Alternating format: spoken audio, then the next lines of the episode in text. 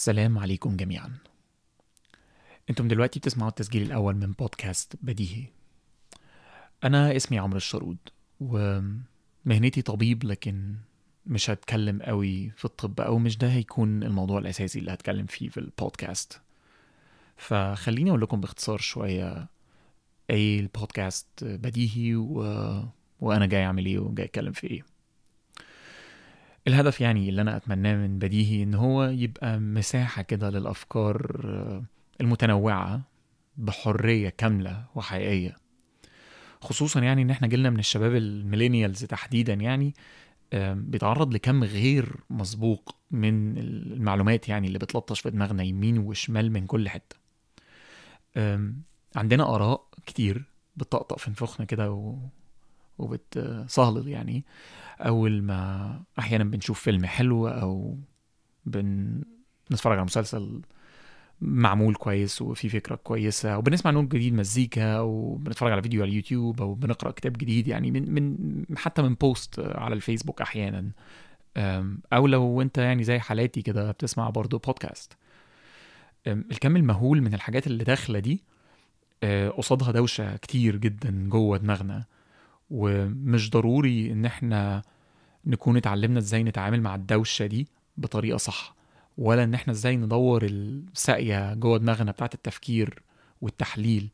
وبرضه مش ع... مش مش لازم إن كل ما هنكون بنفكر هنطلع باستنتاجات سليمة والمكنه هتطلع قماش يعني. ف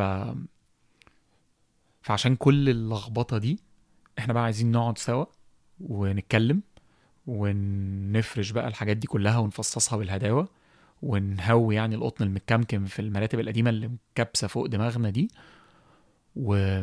ونشوف هنوصل لإيه. لكن المهم إن المنتج النهائي يطلع عاقل ومنطقي وبديهي.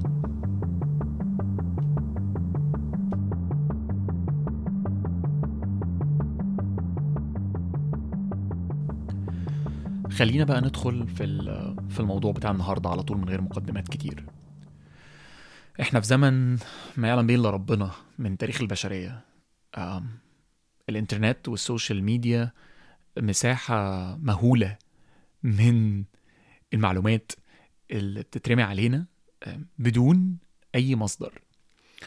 خلينا نفكر كده في الفرق ما بين الحاجات اللي إحنا بنقرأها على ال social media أو على الواتساب أو وات انت بتجيب معلوماتك منين على الانترنت.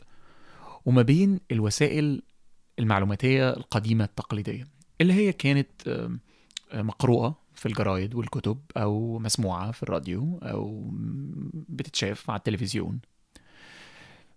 كان في الغالب دايما المساحة اللي بيطرح فيها الأفكار دي سواء أي واحد من دول والإنتاج بتاعها كان بيعمل نوع من أنواع الفلترة المبدئية كده. يعني ما كانش أي حد بيطلع يتكلم على التلفزيون. لأن غالبا صاحب القناة يعني أو مش هيسيب أي حد يطلع يتكلم على التلفزيون. نفس الكلام على صاحب الجورنال. مش أي دار نشر هتكتب هتسيب أي كاتب ينشر أي كلام ولا أي حد هيطلع يتكلم على الراديو بسهولة ويوصل للناس. كان دايما في فلترة. مش ضروري تكون دايما حقانية ومش ضروري تكون دايما ذات قيمة يعني. أنا مش بقول إن كل شيء كان موجود قبل كده كان سليم. لكن كان متفلتر بشكل ما. كنت هتشوف مين المنتج وتقدر تعرف المحتوى ده جاي عامل إيه جاي منين. لكن المشكلة بقى في عصر ال social media مين اللي بيفلتر؟ مفيش. الفيسبوك ما بيفلترش الواتساب ما بيفلترش تويتر ما بيفلترش مفيش حد من دول بيشوف إذا كان الكلام اللي مكتوب ده حقيقي ولا لأ. مؤخرا بس بدأوا يشوفوا إن لو في حد يعني بيحرض على العنف وال وال والكراهية وبيحاولوا يشيلوا ال post ده لكن يعني ده موضوع كبير ما زالوا لسه بيعانوا فيه لكن محدش بيفلتر الكلام ده. فبقى أي حد أي حد من أي اتجاه بيدخل يكتب شيء وبقى مساحة سهلة جدا لانتشار أي كلام. الكويس منه والوحش. أي كلام دي مش معناها أي كلام. أي نوع من أنواع الكلام. فتعالى ما نشوف مين اللي بيكتب. مين اللي بياخد الوقت في إنه يكتب post طويل ومفصل أو بيشرح حاجة أو بيكتب رسالة على الواتساب ويقعد ينشرها بقى وتقعد تتنشر ما بين الجروبات. groups ال mommies بقى و groups المدرسة و groups اصدقاء يعني مين اللي بيعمل المحتوى ده؟ هتبص تلاقي انه اي حد.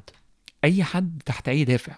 الدافع مش ضروري ابدا يكون آه، صادق ويكون أمين ويكون عايز يوصل حقيقة. آم، الدافع أحيانا ممكن يكون آم، شهرة أو فرقعة أو كذب أو مجرد إن هو عايز ينشر أي كلام.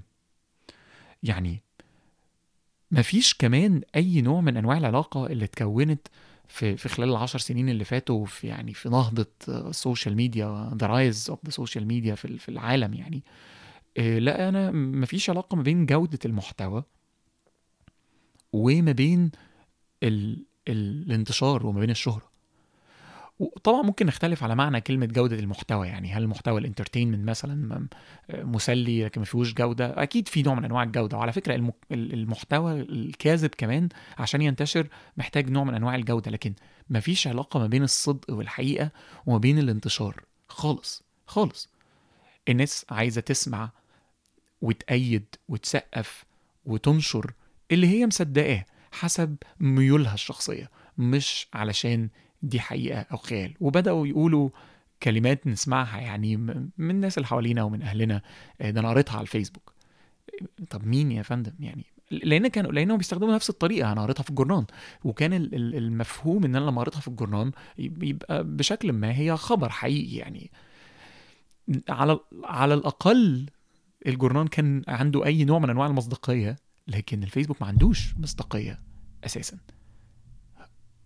حد اللي كتب أظن دي حاجات إحنا هنبدأ آه، يعني ناخد بالنا منها أكتر. وأظن إن الناس بدأت لوحدها تكتشف إن مفيش حاجة اسمها أنا قريتها على الواتساب أو قريتها على الفيسبوك لكنها كانت مشكلة واجهتنا. أظن دلوقتي كتير من الدول وأظن إيطاليا أول واحدة بدأت في الموضوع هي إن بدأ يبقى جزء من المحتوى التعليمي بتاعها هو إزاي تعلم الطلبة إن هم لما يدخلوا على الإنترنت ويقروا مقالات أو يقروا معلومات إن هم يستخدموا وسائل مدروسة في تقصي الحقيقة إن هم يشوفوا المعلومة وإزاي يروحوا يدوروا عليها ويتأكدوا إذا كانت المعلومة دي أصلا حقيقية ولا لأ. دي مش حاجة هتحصل لوحدها ده شيء إحنا كلنا محتاجين نتعلمه ونبذل مجهود في إن إحنا نتعلمه. فدي مسؤولية على الدولة وعلى التعليم. لكن على الأقل في الف... في الوقت الحالي يعني لغاية ما يطلع لنا جيل آه، اتعلم إزاي يعمل ده بشكل فطري شبه فطري يعني. المسؤولية دلوقتي على المتعلمين في الأوساط بتاعتهم. المسؤولية على كل شخص خبير آم، وصادق في خبرته إنه لما يشوف أي معلومة يتأكد منها ما ينشرهاش من من غير ما يفكر. أو لو يشوف حد ناشر معلومة غلط ينبهه يقول له والله اللي أنت نشرته ده في بس مشكلة واحد اتنين تلاتة مش مظبوطه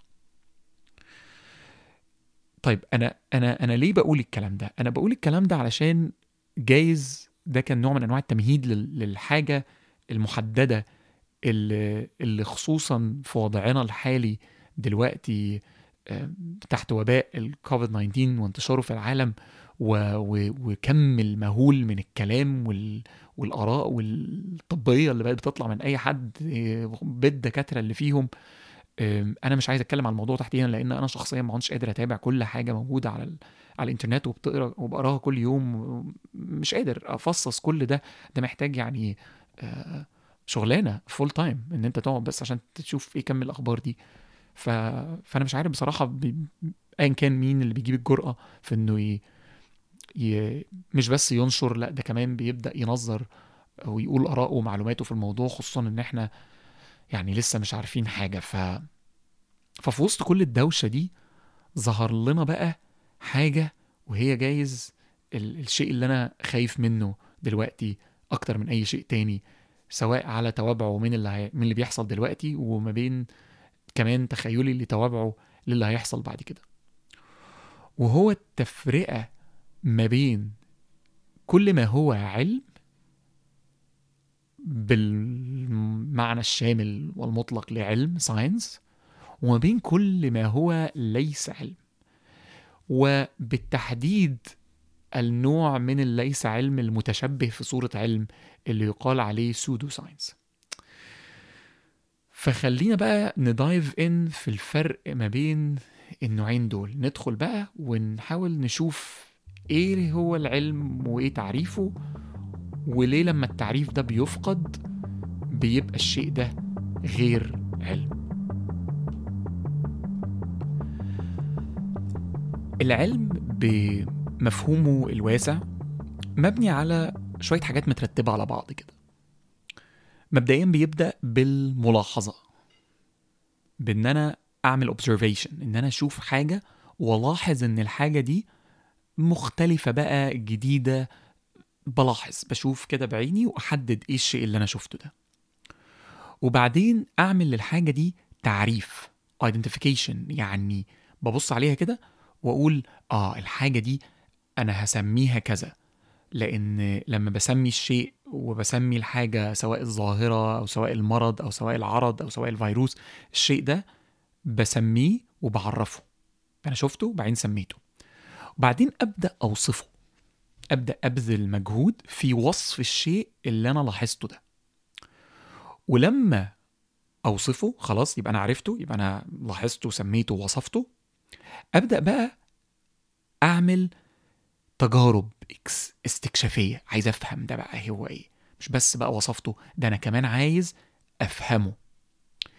لما بنبذل التجارب ونبدأ واحدة واحدة نجمع معلومات عن الشيء نبدأ نعمل تفسير والتفسير ده بيكون مستنبط من الحاجات اللي قبليه ما بين الملاحظة والتعريف والوصف وما بين المعلومات اللي أنا استنبطتها من التجارب اللي أنا عملتها على الشيء ده. فقدرت في الآخر أطلع بتفسير ويكون أحيانا ثيوريتيكال ونظري والتفسير ده بقى يدخل الدايرة دي تاني منه التجارب الاستكشافية دي تقعد تحاول تأكد التفسير ده وبعدين التفسير ده بقى يتطور ويتغير ودايرة يعني بنت لنا الحضارة كلها. كل الحضارة اللي إحنا عايشينها دلوقتي مبنية على دايرة العلم الملاحظة والتعريف والوصف ثم التجربة الاستكشاف ومن ثم استنباط تفسير للأشياء. يبقى دي دايرة العلم مقفولة كده.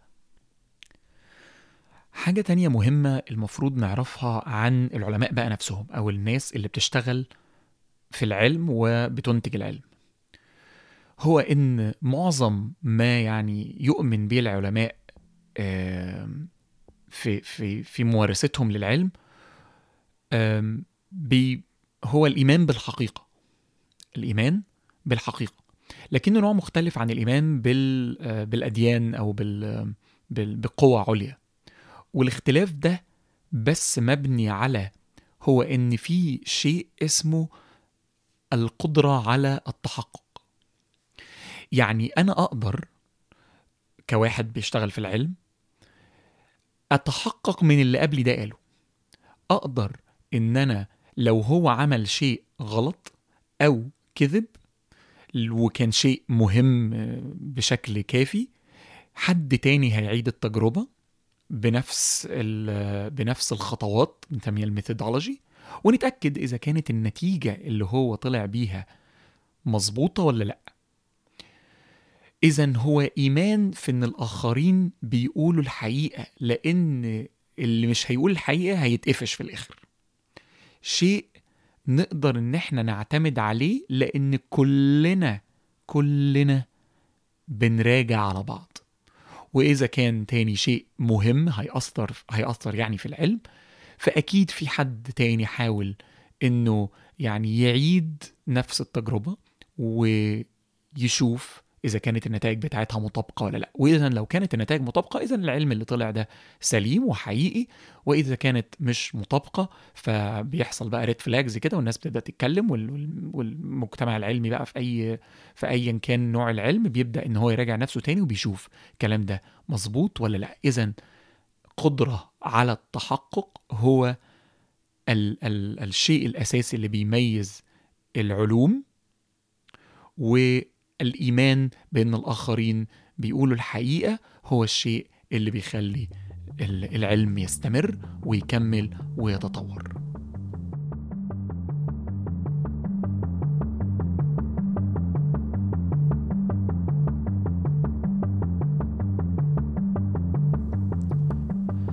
ده ياخدنا بقى لتعريف شيء اسمه الخط الفاصل أو الفيصل بين العلوم.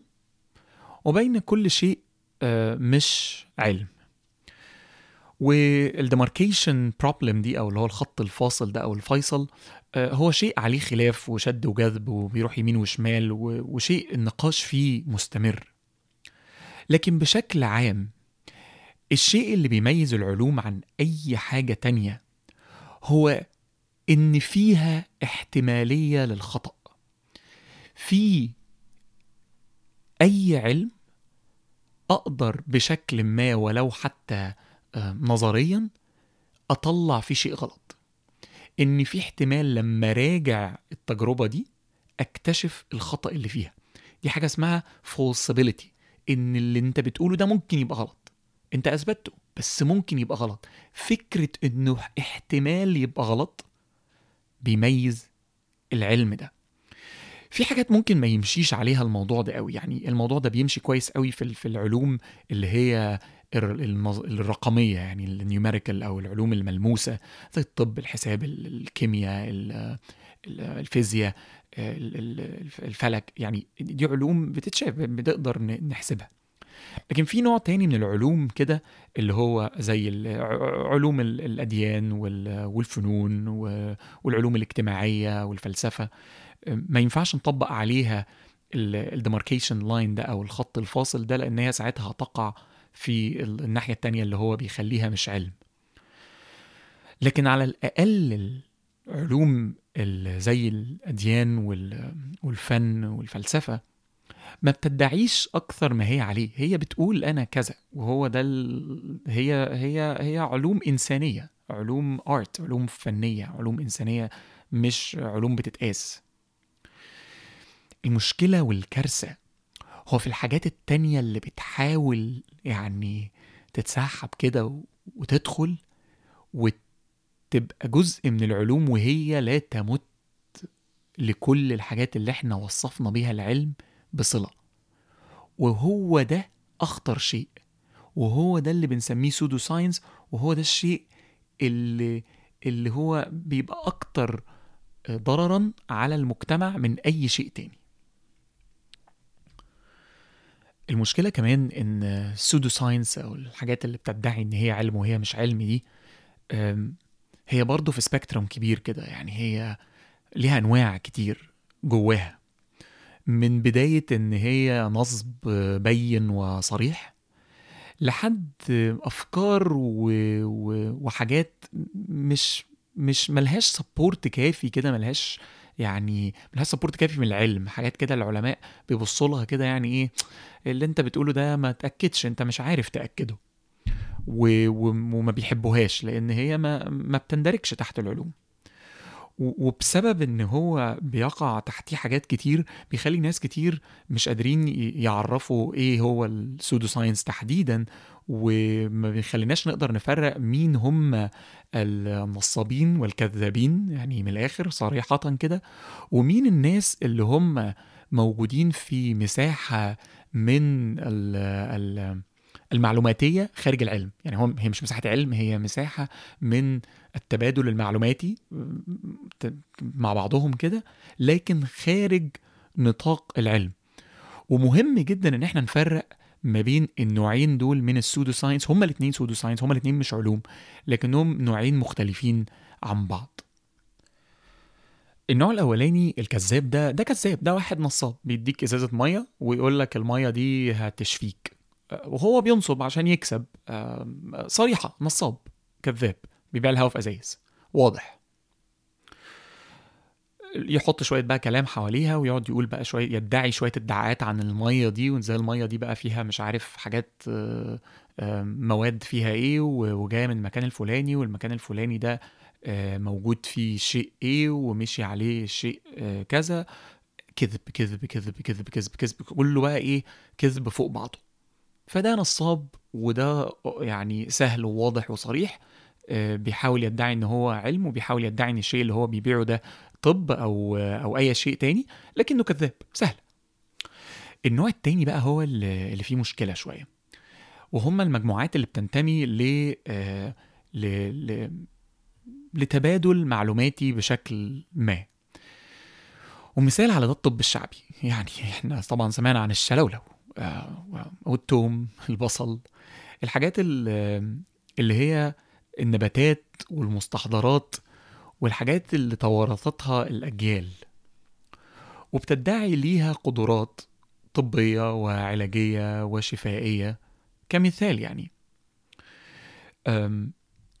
وده بيقع عليه نوع من الحقيقة شوية. يعني يعني مثال مثلا يعني آه، بنقول على المستحضر الفلاني ده لو خدت النبات ده النبات ده هيخلي الصداع يروح من عليك أو مثلا المغص اللي عندك ده هيروح.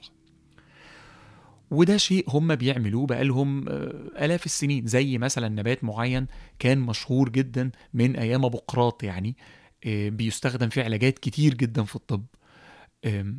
ولما الدنيا اتطورت يعني اكتشفنا إن النبات ده بيحتوي على مادة اللي استخلصنا منها الأسبرين. إذا النبات ده كان له تأثير آم، بس كان تأثير عشوائي أو تأثير م- غير ولا بقوة ولا بدقة ال- الدواء اللي إحنا بناخده دلوقتي. واكتشافهم لأن النبات ده له تأثير أو وكذلك في كل شيء يعني في الطب الشعبي برضه ما جاش من فراغ. ده جه من سنين وسنين وسنين من التجربة يعني جربوا كل اللي حواليهم ولما حاجة نفعت فأحسن من غيرها فبدأوا يستخدموها. لكن مش معقول إن إحنا نسيب آه، مئات السنين من التطور في العلوم وقدرنا إن إحنا نمتلك قدرات الطبيعة والنباتات ونسخرها لينا ونقدر نعرف إيه الحاجات اللي بتأثر فينا فعلا وبنستخلصها ون... ونكون سواء منها أدوية أو أجهزة أو أيا كان ال- الشيء إيه و... ونبقى بناخده في أفضل صورة ليه ونسيب كل ده ونرجع تاني لكلام من ألف سنة علشان هم كانوا بيستخدموه من ألف سنة بس. ده ما يدلوش أحقية. هو صحيح كان شغال في وقتها بس على قدهم. ما ينفعش نرجع نعيش في الماضي. لازم نبص على الحاضر. فلما يبقى في مجموعات بتدافع باستماتة عن الطب الشعبي ده بدون أي دليل علمي. بتخلي الواحد انت اللي انت بتقوله ده pseudo science اللي انت بتقوله ده مش علم. لأنه خلاص ما عادش ينطبق عليه الحاجات اللي إحنا قلناها بقى بتاعت ال- الملاحظة والتجريب والوصف وال- وان التفسير النظري لأن لما لفت الدايرة دي على المعلومات دي غيرت الكلام. بقى بقى أنا اللي بيقولوا لا والله ما ينفعش تاخد النبتة دي كده بس آه، وهتخف أو تشرب الزيت الفلاني آه، هتخف أو تعمل حجامة فهتخف. عارفين إن الحاجات دي ما بتشتغلش وعارفين إن الحاجات دي ملهاش تأثير. مثال تاني على الموضوع ده وجايز ده مثال مثير شوية يعني خصوصا الطب الصيني وحاجة يعني مشهورة جدا زي الإبر الصينية وكل بقى الادعاءات الشفائية اللي حواليه. آه، حاجات زي إن هو بيشفي من الأوجاع وبيعالج آه، أمراض معينة. فجم مجموعة من العلماء قال لك طب تعالى بقى تعالى اما نشوف القصة دي إيه. طبعا الابر الصينيه المفروض إن هو يعني بيتحط في أماكن معينة في الجسم و... ومرتبط بقى بإنه له علاقة بالطاقة اللي في الجسم ده وإن النقطة دي بتوصل بالمكان الفلاني وفي المخ والكلام ده كله. فجم مجموعة قال لك طيب تعالوا. جابوا آه، مجموعة من المرضى عندهم نوع من أنواع السرطان آه، اللي بيسبب آه، بسبب انتشاره آلام شديدة في ال- في الجسم بشكل عام خصوصا في العظام يعني لكن آلام شديدة في الجسم. ويدعوا إن هو والله الناس دي لما بتروح تتعالج بالإبر الصينية بيتحسنوا. فجابوا الناس وعملوا التجربة. إزاي بقى عملوا التجربة؟ قال لك هنقسم الناس دول مجموعتين. المجموعة الأولانية هم خلاص بيأك... الناس دي زي الناس دي وأوجاعهم شبه الناس دي. فالمجموعه الأولانية هيستخدموا العلاج التقليدي بالإبر الصينية. في الأماكن المحددة زي ما الناس اللي بتعالج بالإبر الصينية بيعملوا. المجموعة الثانية جابوا الابر الصينية دي وجابوا واحد ما يعرفش إيه القصة أصلا بتاعت الابر الصينية دي وإيه وشكشك كده الناس في أماكن عشوائية. المثير إن اكتشفوا إن الناس اتحسنت. يعني أوجاعهم فعلا قلت. لكن المثير أكتر إن المجموعتين أوجاعهم اتحسنت. المجموعة اللي استخدمت الإبر الصينية في الأماكن المتعارف عليها في يعني المعلومات اللي هم بيستخدموها أو في التراث بتاعهم. والناس اللي اتشكشكت بعشوائية الاتنين بقوا كويسين.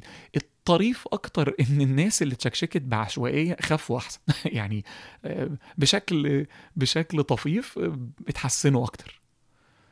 إذا التجربة دي بتورينا حاجتين. بتورينا إن جايز فعلا الشكشكة دي لسبب أو بآخر يعني إحنا لسه ممكن نكون مش فاهمينه. ممكن قد تكون ليها جزء في آه، تخفيف الأوجاع خصوصا يعني الأوجاع شيء آه، مش بيتقاس يعني في المعمل. لكن اللي أكدته إن الابر الصينية في الأماكن التراثية ملهاش قيمة. لأن هي تساوت أو كانت أقل حتى تاثيرا من الشكشكة العشوائية. اذا هي دي الطريقة بتاعت العلم إنه لما لاحظ شيء زي إن الناس بتخف لما بيتعالجوا بالابر الصينية خد الشيء ده وجربه وركز عليه واكتشف إن في مميزات وفي عيوب وإن الكلام مش دقيق. اذا بعد لما ده يحصل وحد يدعي إن الإبر الصينية بتعالج اذا ده ما ينفعش نقول عليه علم لأن إحنا أثبتنا عكس الكلام ده. إذا اللي هو بيقوله ده بناء على نوع من أنواع التراث وهو بقى اللي عايز يصدق فيه يصدق فيه. لكن ده ملوش دعوة بالعلم نفسه. نفس الكلام بقى بينطبق على الطب النبوي والحجامة وكل بقى ما شابه من الموروثات الشعبية الطبية في كل دول العالم. كل البشر عندهم موروث شعبي طبي أو معلوماتي بالطريقة دي. لكن خدت بالك بقى إن الفرق ما بين ده وما بين الكذب والنصب. اللي هو بالمناسبة يعني بيندرج تحتيه حاجات زي مثلا قراءة الطالع والأبراج. ده يعني ده ده مش جاي من أي حاجة. ده جاي من مجرد خيالات تراثية. فإن حد لسه يقول إن ده علم ده إنسان يعني كذاب نصاب مش ممكن مش معقول يكون لسه أصلا الشخص ده مصدق نفسه. نتثامر بيها ونضحك ونهزر لما نقراها لكن تكون مصدق إن ده علم ودي حقيقة ده شيء غير عقلاني بالمرة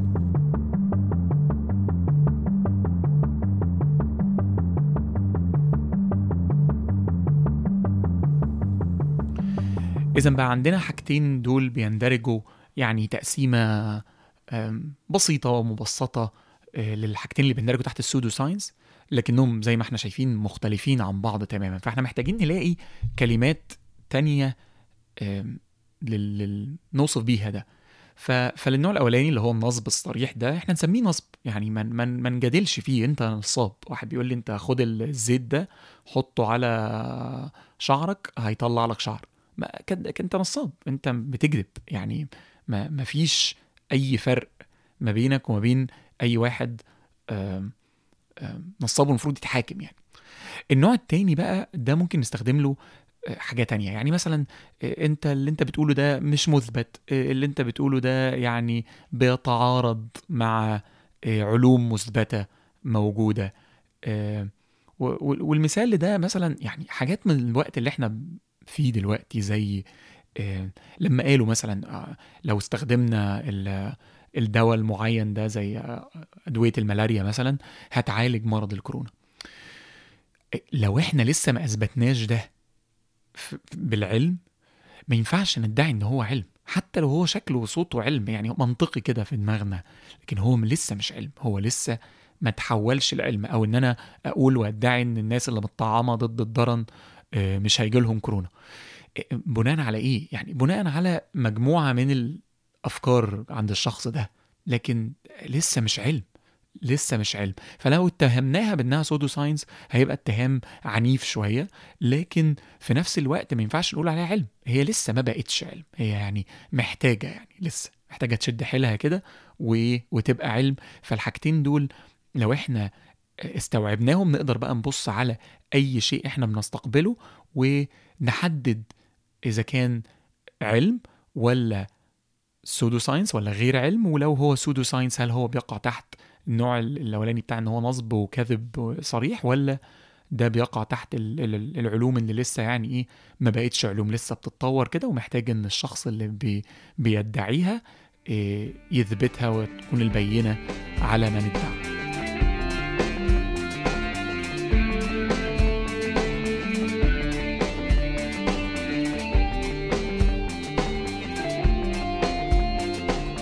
وأهمية الكلام ده هو إن إن ما ينفعش نسيب الحاجات دي عايمة. الحاجات دي لازم نحددها لازم نعرف إيه الفرق ما بين ال- اللي بيتكلم بالعلم وما بين اللي بيتكلم في حاجة بيدعي إنها علم وهي مش علم لأن إحنا كلنا عايشين مع بعض في مجتمع واحد العالم كله مجتمع واحد. العالم كله آه، قرية صغيرة بجد. فيروس جه هنا جاب العالم كله فكرة هنا زي مثلا ضد التطعيم بدأت تنتشر في العالم كله. لو سيبنا الحاجات دي بشكل عشوائي إحنا بنضر نفسنا وأهلنا والناس اللي بنحبهم أمهاتنا وأبهاتنا واولادنا ما ينفعش نسيب الحاجات دي عايمة. لازم يبقى في وقفة كده ضد ال ضد ال ال النوع ده من الادعاءات ال- العلمية. والوقفة دي هتبدأ بالناس اللي تمتلك العلوم وعندها صدق وبعد كده لازم تبقى وقفة يعني من الدول والأنظمة إن ما تسيبش الكلام ده ينتشر و... وتكون جزء كبير من المسؤولية دي يقع على عاتق ال... الشركات بتاعت التكنولوجيا الكبيرة اللي بتمتلك ال- البلاتفورمز وال- والمنصات العظيمة اللي زي الفيسبوك وتويتر وغيرهم وغيرهم وغيرهم. ف... ف... فده شيء لازم إحنا نبقى فاهمين إنه يعني مش لل مش مش مش مش مش حاجة هزار يعني مش مش حاجة كده نتكلم فيها ونهزر لأ دي هتأثر على حياتنا بشكل حقيقي وشكل قوي. فختاما يعني وإن كانت الخطوط آه، اللي إحنا قلنا عليها الخط الفاصل ده مازال عايم كده وشكله يعني مش خط آه، صريح وقاطع آه، لكن لازم يبدأ نقاش مستمر دايما في تحديده ونكون دايما عندنا قدرة على التحليل المنطقي ونكون آه، عقلانيين و... وإن وإن المفروض إن إحنا نبقى فاهمين إن لما حد يتكلم عن التراث ده ماهوش يعني نوع من أنواع الحكمة ولكنه آه، بوابة خطيرة جدا لل آه، للا عقلانيه ولل وللسوبرستيشن يعني أو لل... للتهيؤات. ف... فإحنا هنسيب العلوم قدامنا ولازم الناس تمتلك القدرة على إن هي تستهلكها آه، وتبقى عندها القدرة إنها تفرق ما بين الاتنين وتقدر تحدد إيه الكويس وإيه الوحش. ويعني من ثم من ثم في النهاية نبقى كلنا مجتمع كده من الشكاكين لأن الشك ده جميل جدا. و... وواحد من حاجات يعني من الأشياء المفضلة ليا في الحياة. و... ولأن هي بتخليك دايما متأكد على الأقل إن إن أنت بذلت كل المجهود في إن أنت تتقصى آه، الحقيقة. في النهاية حابب أشكر صديق عمري عمرو عاصي على المزيكا الممتازة اللي هو عملها لي. بالظبط آه، هو كل اللي أنا كنت ممكن أكون مش متخيله لكن هو حققه بالظبط. آه، حقيقي هو ده بالظبط اللي أنا اللي أنا محتاجه. آم، فكمان عايز shout out للشغل الجميل بتاع حسام حرفوش لل cover art آه، شكرا جدا جدا. آم، حقيقي اتبسطت من الشغل معاه. وفي النهاية أتمنى يكون أول تسجيل من بودكاست بديهي. كان كافي في إنه يثير اهتمامكم ويجذب انتباهكم. ولحد ما نتقابل تاني ونخلق مساحة نقدر نتكلم ونتناقش فيها ونتبادل بقى الأفكار سواء عن الحلقة دي أو سواء عن أي حاجة هتيجي بعديها. كونوا بخير وسلام. مزاجكم حلو ورايقين فضوليين وسلام.